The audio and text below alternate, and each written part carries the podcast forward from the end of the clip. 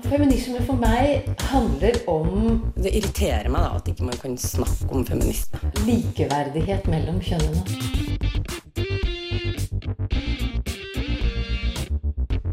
Det blikket på kvinnen på film. handlet det om å bli tatt på alvor som jente.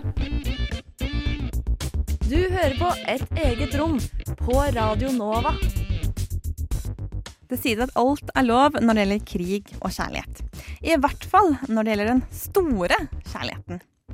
Og kanskje så er det slik i fiksjonen, men er det egentlig slik virkeligheten er? Spørsmålet er kanskje snarere søtt eller creepy.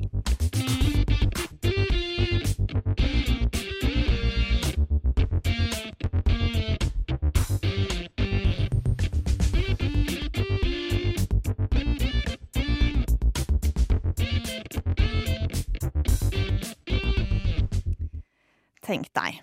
En mann sniker seg inn på en kvinnes soverom når hun sover. Om du ikke har sett filmen, så har du kanskje likevel hørt akkurat dette klippet. How did you get in here? The window? Do you do that a lot? Well, just the past couple of months. I- I like watching you sleep. It's um it's kind of fascinating to me. Du hørte et klipp fra filmen Twilight. Eh, og det er blitt mandag formiddag igjen, og vi i et eget rom, Radio Novas feministiske program, vi snakker denne uken om romanser og kvinnesyn i film og TV-serier. Eh, og du hører stemmen til Lina Therese Rosmark, og du er også her, Siri Salstein, som sitter her og grimaser, faktisk. Ja, Over det vi nettopp hørte. Eh, ja, det var en liten grimase av det der Twilight-klippet. Det er ganske drøyt. Ja, veldig drøyt. Um, men jeg tror ikke jeg tenkte over det første gang jeg var ung og dum og så filmen. Nei, egentlig. ikke jeg heller.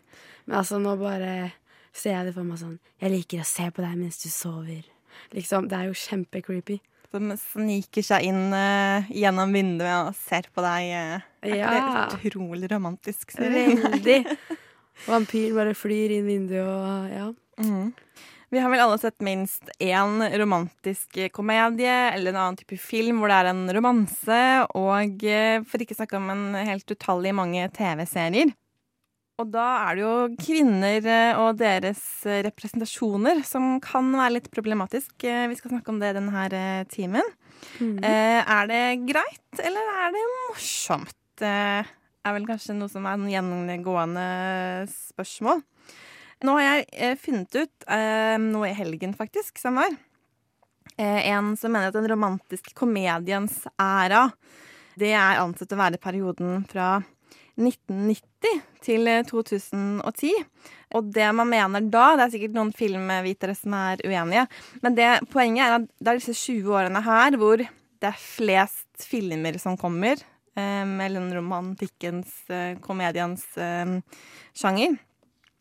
Hvor filmene tjener ganske mye, hvor de i stor grad, eller i hvert fall mye mer enn eh, før 1990, eh, dominerer på den kulturelle scenen. Så det er, det disse årene hvor den virkelig har en eh, Det er en greie, da. Og så har det jo alltid blitt laget her, denne typen filmer. Det er jo ikke noe nytt. Eh, Men hvis vi skal si litt om denne romantiske komedien for å starte der, og så kan vi gå gjennom TV-seriene litt senere i denne timen. Jepp.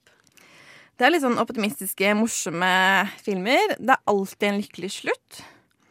Samtidig som det er liksom basert på at man skal finne den store kjærligheten. Ja, Den rette.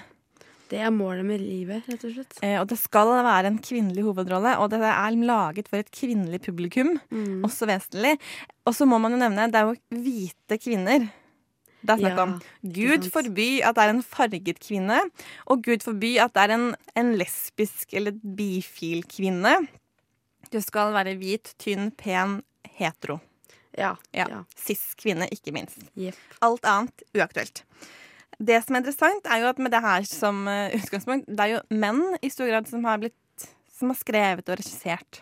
Ikke bare menn, men film, eh, særlig internasjonalt, er jo veldig mannsdominert, da, og har vært det lenge. Så menn lager eh, kvinneroller som kvinner skal se på, Ja. som en slags rollemodell, og så kan vel diskuteres eh, hvor gode disse rollemodellene egentlig er. Ja, ikke sant? Men det er blitt visstnok eh, færre romantiske komedier fra det ja. Hollywood. Ja. Eh, nå har jeg nettopp lest at det er liksom Asia som har tatt over der. De har tatt over stafettpinnen når det gjelder liksom usunne romantiske komedier. Oh ja, det visste jeg ikke. Eh, selv om de fremdeles laget. Men, lages. Men 2016-2018 var faktisk lavårene eller når det gjelder antall produksjoner som kan kategoriseres som romantiske komedier. Og det visste jeg ikke. Nei, ikke Nei. Og så er det vel andre ting som eh, gjelder eh, når vi snakker om romantiske komedier. Ja. Eh, og det er jo at det er jo enkelte mønstre som går igjen. ja, ikke sant. Ja, Som man ser igjen i alle Som man ser igjen i alle filmer. Yep. Det må vi nesten snakke en del om faktisk eh, denne eh, timen. For det er um, ofte der man finner det litt problematiske. Både når det gjelder handlingsforløp og eh, representasjoner av, av kvinner. Har du, sånn, har du ett eksempel, Siri? Bare litt sånn usunn eh, Et usunt mønster eller en gjenganger i, i sånne romantiske filmer. Det trenger ikke være romantisk komedie, men sånn en film hvor det er en romanse. Ja. ja, det jeg har sett i mange filmer, er at eh, det er, det er kanskje et forhold da, eh, hvor den ene personen egentlig innerst inne egentlig elsker en annen skikkelig høyt, og så finner de på en måte hverandre, da. Men så ser man jo egentlig at dette her er jo fortsatt utroskap. At eh, den personen er utro med denne eh, livskjærligheten. Og det er jo fortsatt ikke greit, selv om kanskje det forholdet du er i, ikke var helt riktig for deg, da. Anne Marie Sunde hun har sett litt på eh, si, troper som eh, ofte går igjen i slike filmer.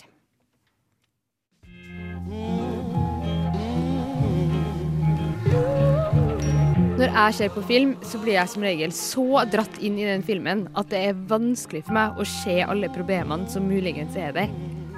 Alle filmer har jo troper, altså vanlige mønster eller veldig gjenkjennbare kvaliteter i en karakter, som skal gi oss seerne informasjon om den karakteren. Dette er jo ikke et problem i seg sjøl, og ofte veldig nødvendig, nettopp fordi en film er to timer der vi skal lære en hel karakter å kjenne. Men poenget er at ofte så blir de samme tropene brukt om mange kvinner. Og da bidrar det til å forsterke en stereotypi om kvinner, eller et negativt syn på kvinner.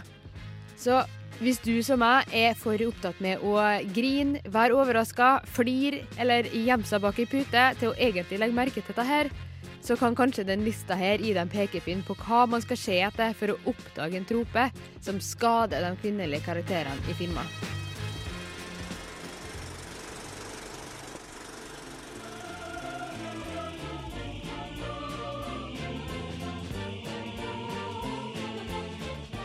Nummer én Manic Pixie Dream Girl. Det her er Clementine i Eternal Sunshine of the Spotless Mind, eller Natalie Portman i Garden State. Det her er dama i filmen som hjelper den triste, ensomme mannlige hovedkarakteren til å komme ut av skallet sitt ved å være en boblete, glad, ofte barnslig og overfladisk karakter. Tropen ble først skrevet om av Nathan Rabin for å vise hvordan de her kvinnene eksisterer, ene og alene for å være den mannlige karakteren sin muse i livet. For å inspirere han til å ta valg som gjør han lykkelig eller optimistisk igjen. Dette er jo ikke noe negativt i seg sjøl, men vet vi egentlig noe om den kvinnelige karakteren vi ser på skjermen? Tenk deg om. Vet du hvor hun jobber? Vet du noe om familien hennes? Hva liker hun? Hva er hennes sine mål i livet? Vanskelig å si. Da kan det hende at det her er en Manic Pixie Dream Girl.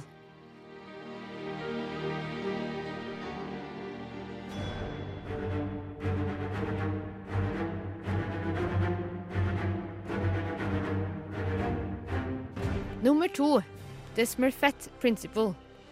Smurfette er jo den eneste kvinna blant en hel gjeng med mannlige smurfer, skapt ene og alene for å spille på følelsene til sine mannlige venner.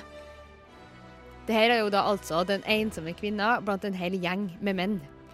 Dette er Princess Leia i Star Wars og Ellen Page i Inception. Penny i Big Bang Theory, iallfall de første sesongene. Problemet her er at guttene får lov til å definere hva gruppa skal være. Og kvinner eksisterer egentlig bare i interaksjonen med andre menn. Dette gjør at kvinner blir en token, altså en representant for alle kvinner. I stedet for å være et individ med en egen historie, egne mål og egne interesser, så blir hun en representant for alle kvinner sine mål, interesser og historie. I tillegg kan han fort være en sexy versjon av en allerede eksisterende mannlig karakter. Sånn at det eneste som egentlig skiller henne fra de andre i gruppa, er at hun er sexy og hun er kvinne.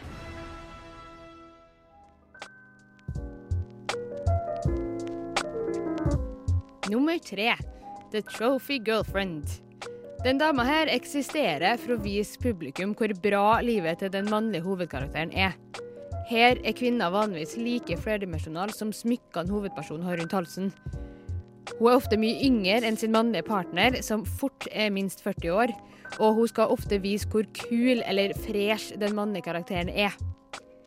I tillegg så er ofte Trophy Girlfriend satt som et motstykke mot den første, eller kanskje de første konene til den mannlige hovedkarakteren. Her finner vi også en annen trope, altså The Nagging Wife, som i motsetning til The Trophy Wife blir framstilt som et hinder for den mannlige hovedpersonen, som egentlig er der bare for å klage og å irritere hovedkarakteren. På denne måten blir kvinnene stilt opp mot hverandre, og de er kun definert ut ifra hva de bringer til den mannlige hovedkarakteren sitt liv, enten det er som pynt eller det er som irritasjonsmoment.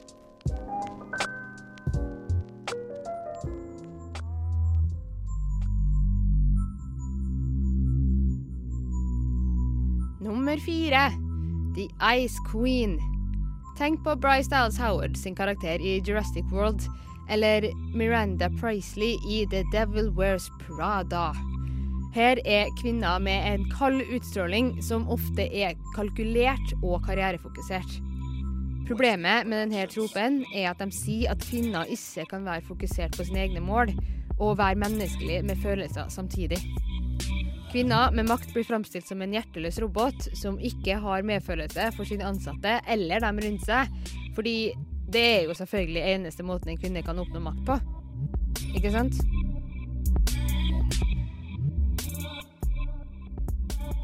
Nummer fem. The Sassy Black Woman. Trenger si mer. For en eller annen grunn så blir ofte hudfarge forbundet med personlighet i film.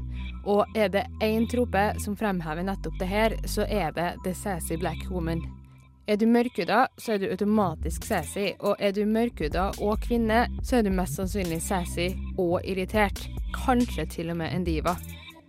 Misforstå meg rett, mørkhuda kvinner har ofte god grunn til å være irritert i filmer, og det er bare bra at problemene de møter, blir vist. Men når det er den eneste kvaliteten ved dem, så oppstår det et problem. De blir ofte framstilt som vanskelig å ha med å gjøre, og bare drevet av sitt sinne. Hvis alle mørkhuda kvinner på film er sassy, så sender det et ganske klart signal til oss som seere. Altså at enten vi sjøl som mørkhuda skal være sassy, eller at alle mørkhuda vi kommer til å møte, er det.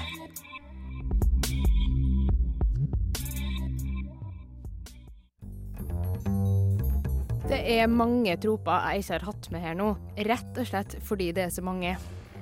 The Spicy Latina, The Awkward Virgin, The Damsel in Distress, The Bridezilla, The High School Bitch, og lista fortsetter. Jeg vil likevel avslutte her med å si at det har blitt bedre.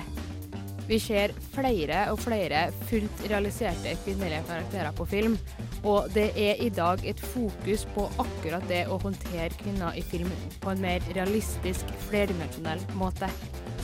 Så hvis du som meg ikke alltid klarer å se tropene med en gang, rett og slett fordi du ser på en ellers bra film, så kan vi kanskje nå iallfall være bevisst på at de er der.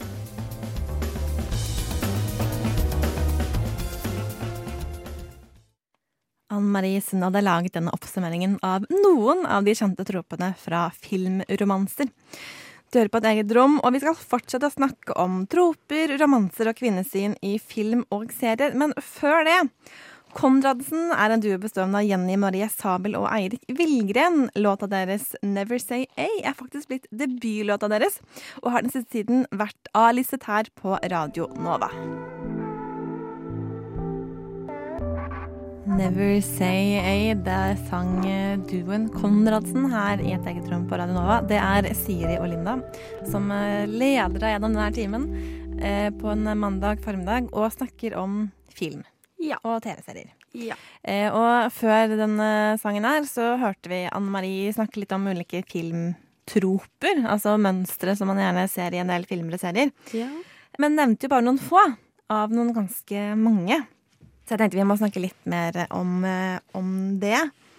Eh, for det fins en, altså en så lang liste et eller annet sted. Eller hvis du liksom tar liksom en her, liksom her og der, så får du en, en, en sånn kjempelang liste over ting som, eh, som er sånn gjengangere. ja Eh, men, men ofte som er litt sånn under Aldri kanskje sagt høyt, men sånn implisitt, det er jo at det finnes en der ute som er den rette for deg, og det er litt sånn skjebnebestemt at dere skal bli sammen ja. på en eller annen måte.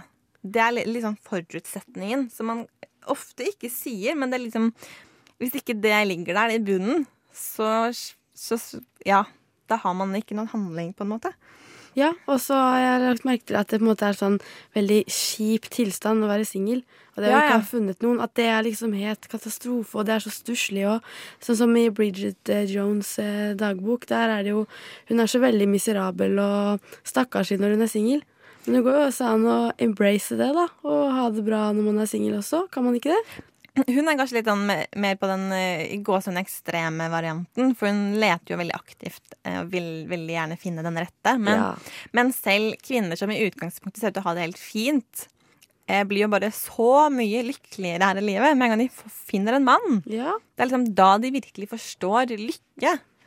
ja, akkurat som det ikke var mulig før denne personen, da. Ja, ganske interessant. Mm. En annen ting er jo, som man ser, altså man krangler. Man må krangle litt. Og man må liksom dytte hverandre litt vekk. For så å finne sammen igjen. Når man innser at det man kranglet om, det var egentlig ikke en stor ting. Det var kanskje Nei. en misforståelse. Men man må krangle litt. Altså, det skal ikke være enkelt å finne den rette her. Det er jo litt sånn usunt, da. Hvis du plutselig, eller hvis du har vokst opp med romantiske komedier og tenker at oi, men hvis vi krangler, så er det liksom Da er det en sunn romanse. Ja, ikke sant?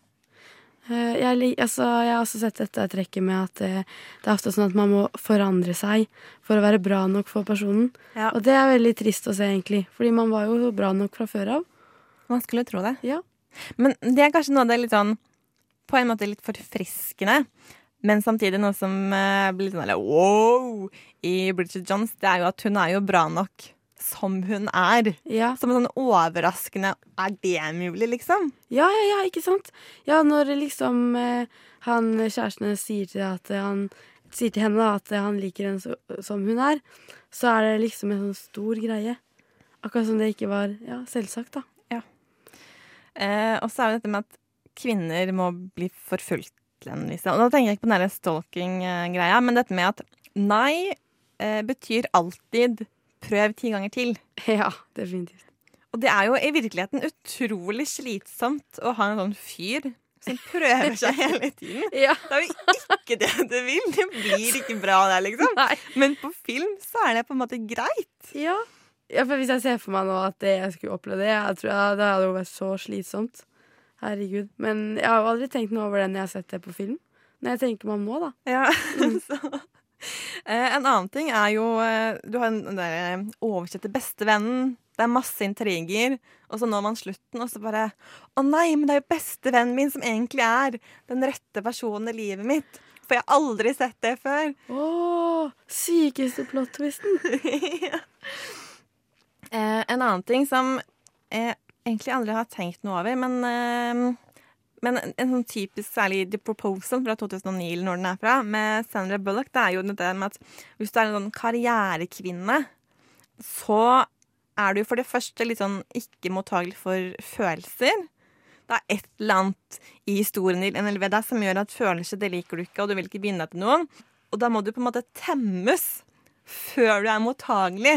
Ja. Når du da møter mannen som er den rette mannen, så blir du myk i kantene. Sånn gradvis. Ja, ja. Og når du er myk nok, så kan dere liksom bekjenne at dere elsker hverandre, og filmen er slutt. ja. ja, nå husker jeg den filmen du snakka om. Nå kom jeg på at den har jeg jo sett. Eh, Jeg kom på den, ja. Hun var jo skikkelig sånn streng og tok avstand fra alt og ja. Du er en bitch hvis du er liksom en karrierekvinne. Ja. Det er litt sånn uh, her i verden. Ja. Eh, for det er faktisk veldig typisk at kvinner i veldig mange filmer De har litt sånn, litt sånn myke, feminine yrker. Ja. Mens mennene gjerne har litt mer sånn statusyrker. Ja. De er liksom leger og jurister og rike og alt mulig rart. Går i dress på jobb og Ja. et eller annet firma, ikke sant. Ja. Ser litt sånn viktige ut. Ja. Det er veldig sjelden at de er litt sånn likestilte. Mm. Som jo er ganske interessant. Og så har jeg lagt merke til én ting. Det er at hvis du er rik eller kul eller bare sånn sinnssykt pen eller kjekk hvis du er mann, så kan du gjøre ting som ikke er greit hvis du ikke er det. For hvis du er litt sånn ikke-attraktiv, så ler man av det du gjør fordi du ikke er liksom den attraktive. Mens hvis du er rik og ser bra ut, så er det bare sånn Å, kult. Eller romantisk. Eller eh, Ja. Mm. det er liksom, man, man bruker denne sexismen på et vis da, til å liksom lage liksom båser ja. om, eh, om ulike typer mennesker. Øh, jeg syns i hvert fall at i par eh, eller to som måte prøver å date, da liksom Det er veldig mye manipulering som blir akseptert. Veldig mye som manipulering. blir tilgitt etter hvert. Sånn Og alt blir tillit på slutten. Å, OK, da. Jeg deg jo uansett, ikke sant? Alt blir tillit. Ja. Det er helt sjukt. Og du kan også være utro hvis den du er utro med, er den rette. Ja, da er det bare de det er andre det. som enten er slemme, eller som bare har de havnet litt sånn feil her i livet. Men Ja. feil mann eller kvinnen. Men uansett hva som skjer, så må det bli en lykkelig slutt, og derfor så må alt tilgis på Ja. slutten. Sånn helt plutselig så bare blir alt tilgitt. Ja, alt. Mm. Ja, men Da har vi fått på plass litt mer om uh, hvordan det er å være kvinne i romanser i film. Og ikke bare på film, det er litt sånn her i en del uh, TV-serier også, som vi snart skal uh, innom. Ja. Høsten 2016 så ble Tilla anbefalt av P3s Urørt-redaksjon, bl.a. med låta 'Falling'. Eh, hun har selv sagt hun er litt influert av soul og funk, og hvis jeg husker riktig så prøvde hun seg for mange år siden i Idol. Jeg vet ikke hvordan det gikk. Her er i hvert fall Tilla. Tilla hørte du der med låta 'Falling' her i et eget rom. Eh, og Siri, nå snakket vi nettopp om sånne troper. Ja. Ja, Og en typisk trope det er jo at det er et veddemål. Eller konkurranse som er den utgangspunktet, og så blir det en romanse når eh, det her er gjennomført. Gjerne med litt sånn oppklaring om at alt var bare tull, Mm. og så tilgir man hverandre fordi alt var jo fint likevel. Ja. Og så tenkte jeg på akkurat nå at en slags avart av det finner man jo på en måte litt i How We Met Your Mother. Med Barney, som eh, har dette målet om å ligge med så mange damer. Ja. Han skal jo nå 200 damer. Ja. Det er jo en slags konkurranse her. ja. Forskjellen er er jo at eh, han blir jo ikke sammen med, med noen av disse. Nei. Men det her er en serie som du har sett litt nærmere på. Ja. Fordi den er jo godt likt. Jeg tror veldig veldig mange har sett den. Så Mm. nå må vi kanskje knuse noen strømmer om denne Ja, serien. faktisk. Det var litt det som skjedde når jeg begynte å gjøre et dypdykk inn i dette temaet. Da, for jeg har alltid elska den serien. Eh, og det var veldig interessant å se på det med et litt annet blikk. Så hvis vi skal se på dette her i en eh, feministisk sammenheng, så vil vi kanskje de fleste først og fremst tenke på Barney Stinson med en gang. Han er jo en så forferdelig fyr som bare bruker jenter. Og, og bare dumper de dagen etterpå og behandler de så dårlig. Og jeg forstår ikke hvordan det går an Altså, disse løgnene eh, Ja, de løgnene han bruker for å få jentene på kroken. Jeg sitter og ser på det og bare Hvordan er det her mulig, liksom? Men ja, han bruker da alle midler han kan for å få tak i de. Og så blir jo dette her fremstilt på en veldig morsom måte, da. Eh, så kan man jo diskutere er det egentlig greit å sitte og le av dette, da.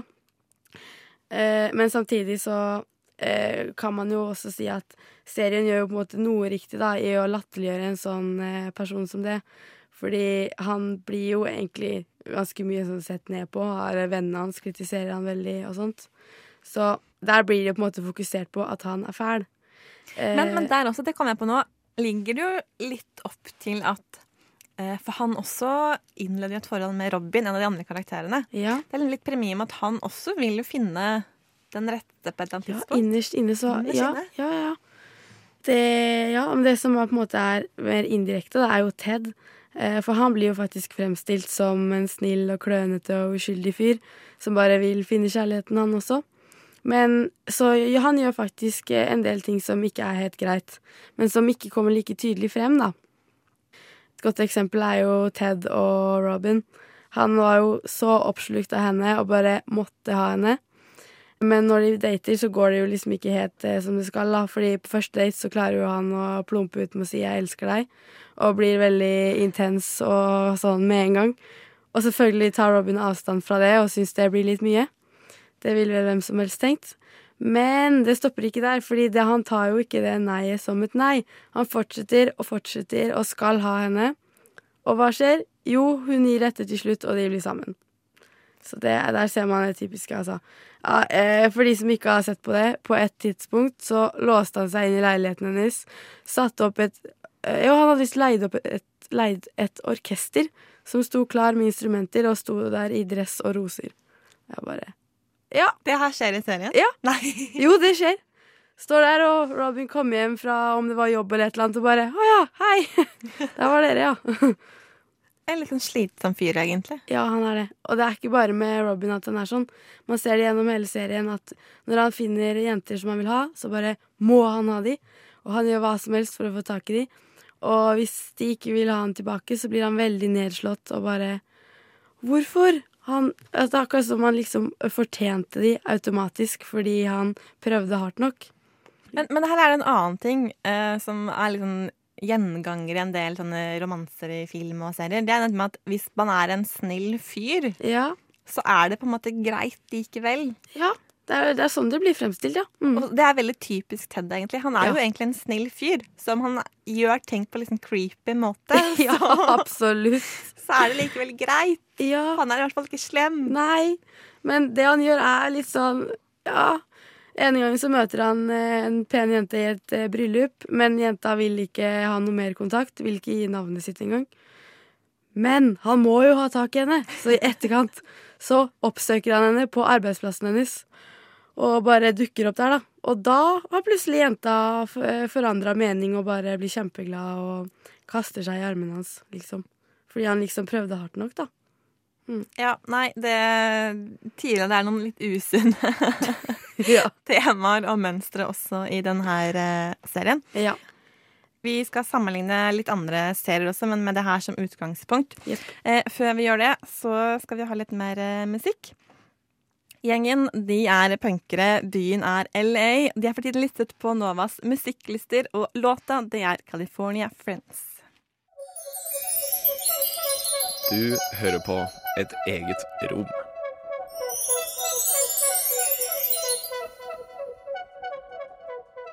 Eh, Siri, vi snakker om eh, TV-serier. Yep. Yes. Eh, og så er det ja, Nå er vi litt med på film igjen, men det, det har faktisk et likhetstrekk med I Met Your Mother. Journalisten Bethany Crystal hun har valgt ut eh, sine 32 favorittromantiske komedier fra perioden 1990 til eh, 2009. Og i 21 av disse 32 filmene så har, hvis man tenker på hva slags jobb man har, og stilling på jobben, så har mennene høyere status enn kvinnen i filmen. Ja. Eh, og eh, menn har litt sånn stillinger og jobber som gir en autoritet. Det er liksom leger og jurister og ledere av et eller annet slag eller politikere eller noe sånt, mens kvinnene de er litt mer sånn myke, feminine yrker. Og veldig typisk, eh, også i serier, det er at de jobber med journalistikk, eller de med et forlag, eller de er kunstnere. Og det her finner man jo også i How I Met Your Mother. Ja. Med, med Lilly som har litt sånn dårlig betalt typisk kvinneyrke. Hun er vel en sånn førskolelærer eller noe sånt nå. Ja. Som Mm. vil senere bli kunstner. Ja. Eller kurator også. Og så har du Robin som jobber som journalist og virkelig vil satse på karrieren sin, men den veien er ikke helt lett. Nei. Du må liksom jobbe litt for det. Og så har du disse tre mennene som har ganske godt betalte yrker. Kanskje litt trøblete, men Barney har jo sjukt mye penger, for eksempel. Barney, ja, herregud, han eh, Ja, vi, vi vet jo egentlig ikke helt hva han jobber med, men han er jo Han er jo liksom i sånn eh, kontorjobb eller sånn et selskap med, som tjener ganske godt med penger. Eh, og ja, barnet er jo eh, steinrik, og så er jo Ted arkitekt. Det er jo et eh, ganske bra yrke. Og Marshall er advokat. Det er jo definitivt eh, statusyrke. Det, er alle er liksom egentlig ganske godt statusyrker. Yep. Uten det her eller nødvendigvis gjøres til et poeng, så er det på en måte gjennomgående trekk som sier noe om hva, hva er menn og hva er kvinner. Ja. Som man også ser i denne typen serier. Og så er det litt andre ting som den kanskje deler med, med andre serier. Vi kan også se litt av dette Vi snakka om at eh, denne mannen som eh, skal fortjene dama til slutt etter mange år og mange forsøk, det kan vi litt finne i Friends også. Hvor vi har da Ross, eh, som har vært eh, kjempeforelska i Rachel hele videregående tida.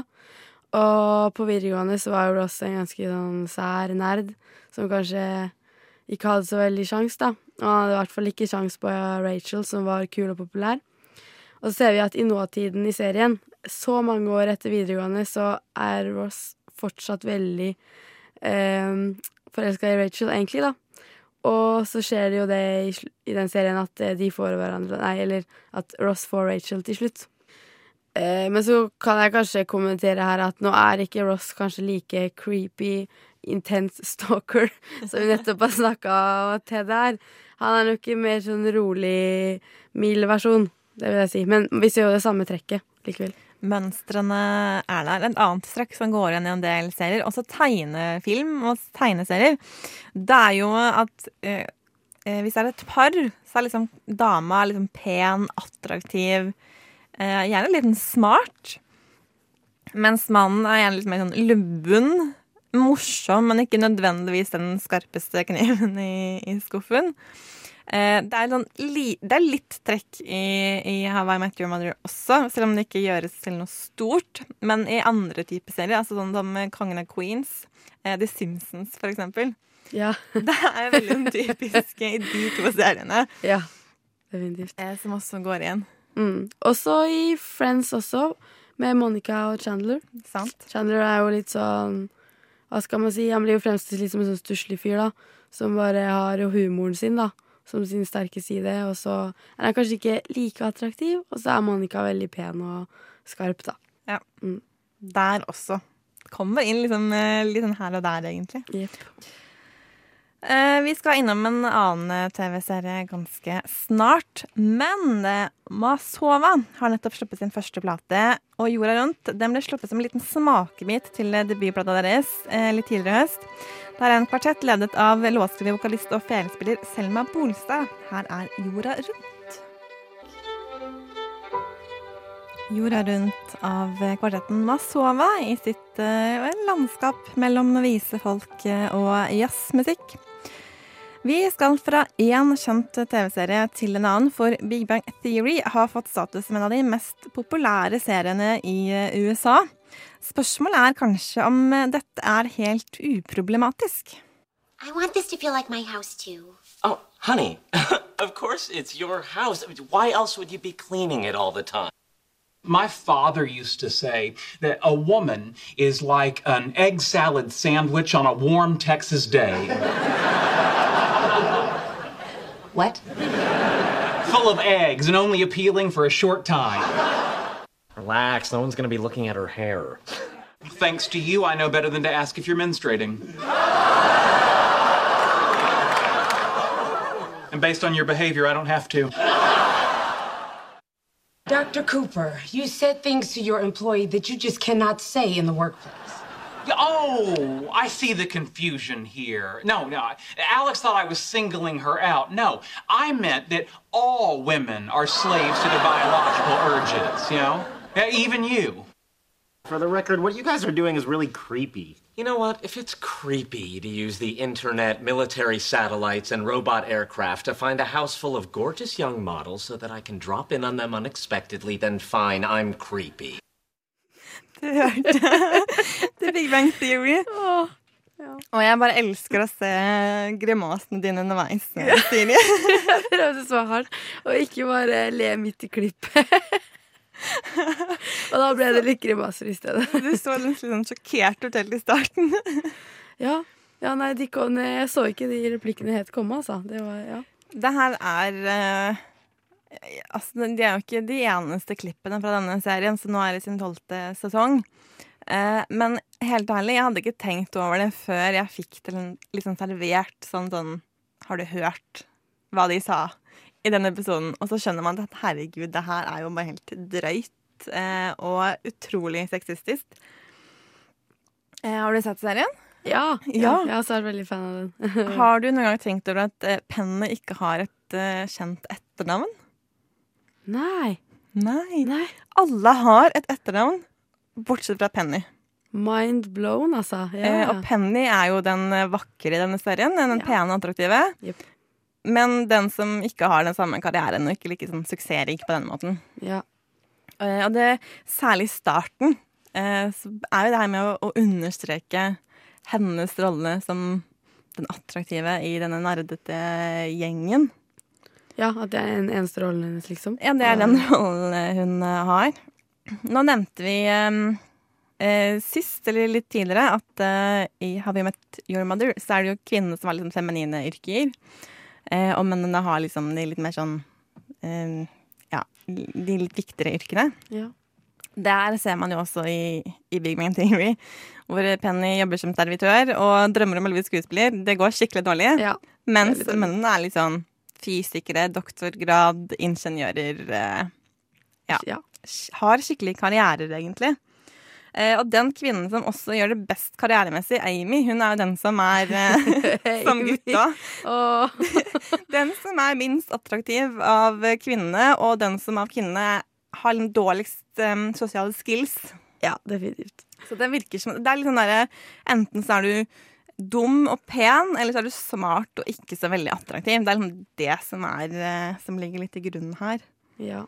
Eh, Men eh, det som er interessant, er jo at dette sexistiske innholdet, det er ikke nødvendigvis det, det viktigste i disse vitsene, eller de kommentarene som presenteres.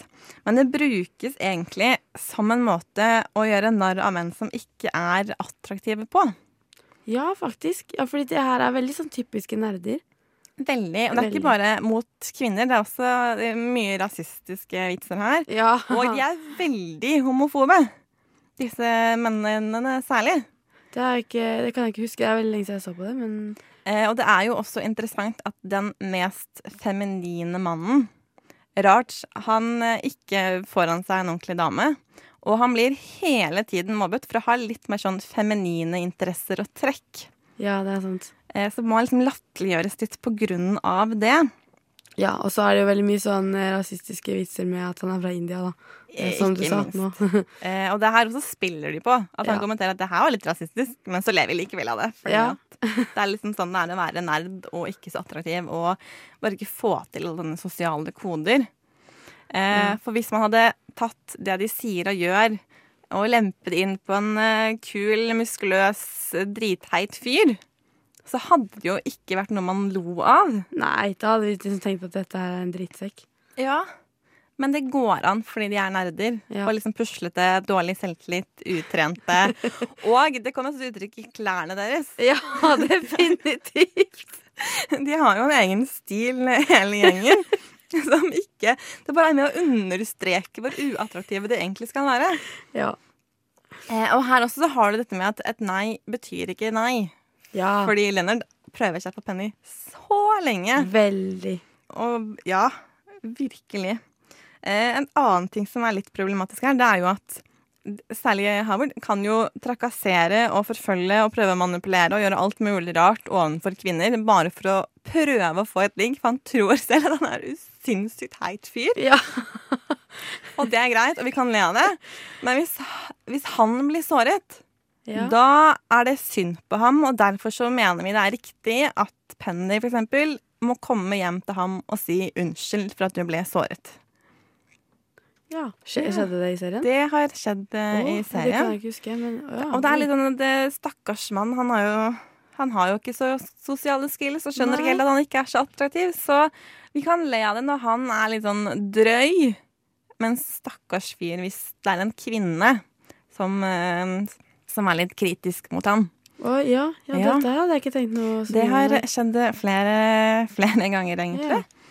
Det blir litt rart bilde, da. Det blir det. Det blir ikke det samme igjen eh, å se på det igjen, tror jeg. Nei, altså jeg skal innrømme at uh, da jeg først begynte å se litt kritisk på det her, så bare ødela alt ble ødelagt. Bare ble knust av hvor ille ting egentlig er. Ja, og det har egentlig ikke blitt bedre heller gjennom uh, sesongene. Nei, jeg har ikke sett så mye på de nyeste sesongene. Uh, det har jeg ikke. Men det har altså ikke det? Jeg har heller ikke sett de nyeste, men av det jeg så for noen år siden, så ble det aldri bedre.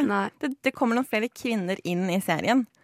Men de er fremdeles uh, nerdete, og jeg syns egentlig bare alle er slemme mot hverandre hele tiden. Ja. Det er min oppsummering av uh, Big Bang Theory.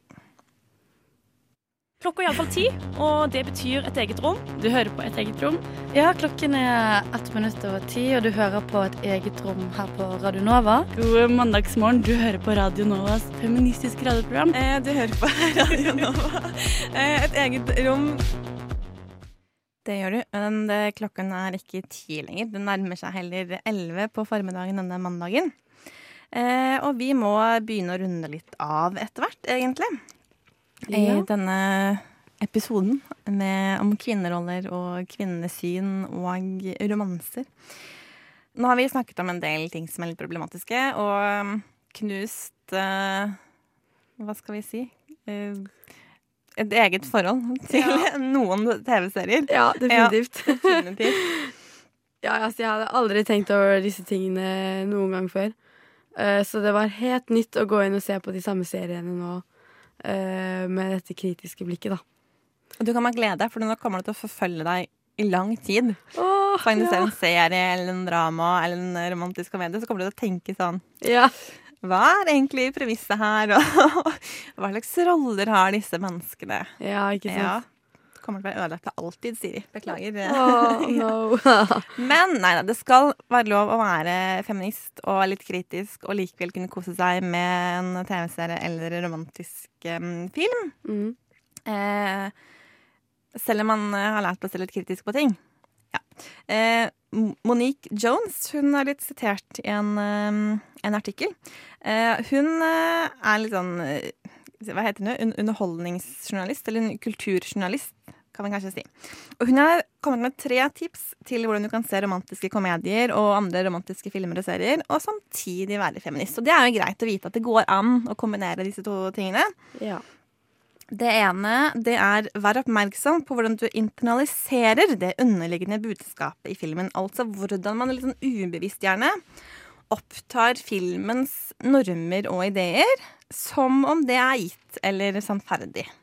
Sånn er lett å gjøre. eh, Fordi når man ser en film, så har jo, har jo et, eh, den har jo en norm og en idé som blir presentert som en sånn Sånn er det. Det er lov å manipulere, fordi sånn er det bare. Dessuten så blir det en lykkelig slutt uansett. Ja. Ja. Hun peker på noen trekk. Eh, og dette er jo det at eh, romantiske komedier, særlig spesielt, har noen trekk som ikke Det er ikke sånn i virkeligheten. Det er ikke en greie at eh, Bridget Jones får eh, mannen sin, eller drømmemannen, selv om hun er sånn hun er, uten å måtte forandre seg. Det er jo det som er normalen i livet. Ja, ikke sant? Det er jo ikke normalen i romantiske filmer, i hvert fall. Men sånn er det. Og det er ikke greit eh, at en mann gjentatte ganger ignorerer at han får nei og blir avvist. Og det man egentlig kan si sånn summa summarum, er jo at det er noen patriarkalske strukturer i disse filmene. Det er vel egentlig det som er liksom stikkordet for alt vi har snakket om i dag. Ja. Om at kvinner selvfølgelig skal ha en mann Ja. og bli lykkelig. Og hun aner ikke hvor lykkelig hun blir før hun har fått seg en mann. Fordi livet er ikke komplett uten denne mannen. Nei, og du må ikke være litt sånn bitchy og streng og kantete. Eh, og uansett, hvis du finner den rette, så vil du bli mykere uansett. Sånn at det, Ja. Så enkelt er det. Eh, men så kan man jo lenge til eh, noen andre ting. Eh, som vi nettopp snakket om. Det går an å ha et helt fint liv selv om man ikke har funnet seg en mann. Kanskje ville man til og med heller ha en dame. Ja, kanskje ja, det. Og kanskje er man ikke så interessert i hvite mennesker. Kanskje man vil ha en farget person Ja. fra et annet sted i verden. Det er helt innafor i det virkelige liv, men ganske utenkelig i eh, romantiske filmer og serier. Eh, hvis det er en farget person eller en eh, homofil eller bifil person, da er det gjerne en sidekick av en eller annen sort. En annen ting som jeg, jeg, jeg, ikke har sagt om, men som jeg kom på nå, det er at det er veldig lite vennskap. Eh, særlig romantiske komedier. Hvis du har en venn, så skal den bare trøste deg når du er litt sånn ulykkelig forelsket, eller noe blir slutt, og det er komplisert. Men det er ikke noe sånn virkelig sant vennskap, sånn som man har i virkelig verden. Nei, det er, ikke- eller det er ikke så mye fokus på det og sånn. Nei. Nei, Mm. det er liksom uviktig at man har venner eh, når det gjelder film. Det neste det er at man skal være litt oppmerksom på hva og hvem man støtter opp om. Og da mener vi at man skal gjøre litt research. Eh, Det kan gjelde hvem som er regissør, eller hvem som har skrevet manus. Er dette personer som man eh, har hørt om før? Eller hva slags filmer eller serier har de laget? Er det bare dritt, så kan man holde seg nå. Er det en som kanskje har laget noe som kanskje er litt bra? Så kan man gi det en sjanse. Eh, Og være litt ekstra obs på hva er premisset for handlingen. Trenger man å kaste bort tid ved å se nok en romantisk eh, film hvor hele plottet er at det er en konkurranse eller utfordring som er det som er utslagsgivende? Ja. Altså, disse klisjeene blir jo faktisk litt kjedelige også i lengden. De blir litt kjedelige, mildt, sagt, i lengden. Eh, og så kan man jo prøve, hvis man får det til, å velge filmer med få eller ingen i gåseøyne problemer. Eh, noe som har litt sunnere tilnærming til eh, og presentasjon av hva kjærlighet og forelskelse er. Da kan man kanskje måtte lete litt lenge og være litt kreativ eh, og se bort fra de mest kjente filmene. Men hvis man tenker på hvor mange filmer som blir laget i løpet av et år, og hvor mange av de du faktisk eh, får høre om, så er jo det kanskje en bitte liten prosent. Så hvis man eh, gjør sin innsats og sin research, så kan man faktisk eh, komme over bra filmer. som, eh, som gjør oss litt bedre. Gir oss litt mer sånn sjelefred. Ja, det må jo være mulig. Det, det må jo- være mulig. Siri Saltvein og Lina Therese Rosberg, vi sier hei og ha det bra.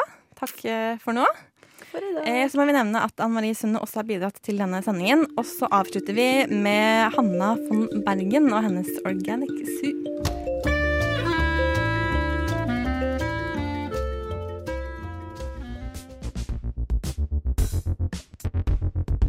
Du har hørt en podkast fra et eget rom på Radio Nova. Vil du høre mer? Sjekk ut Et eget rom på Facebook, Instagram eller radionova.no.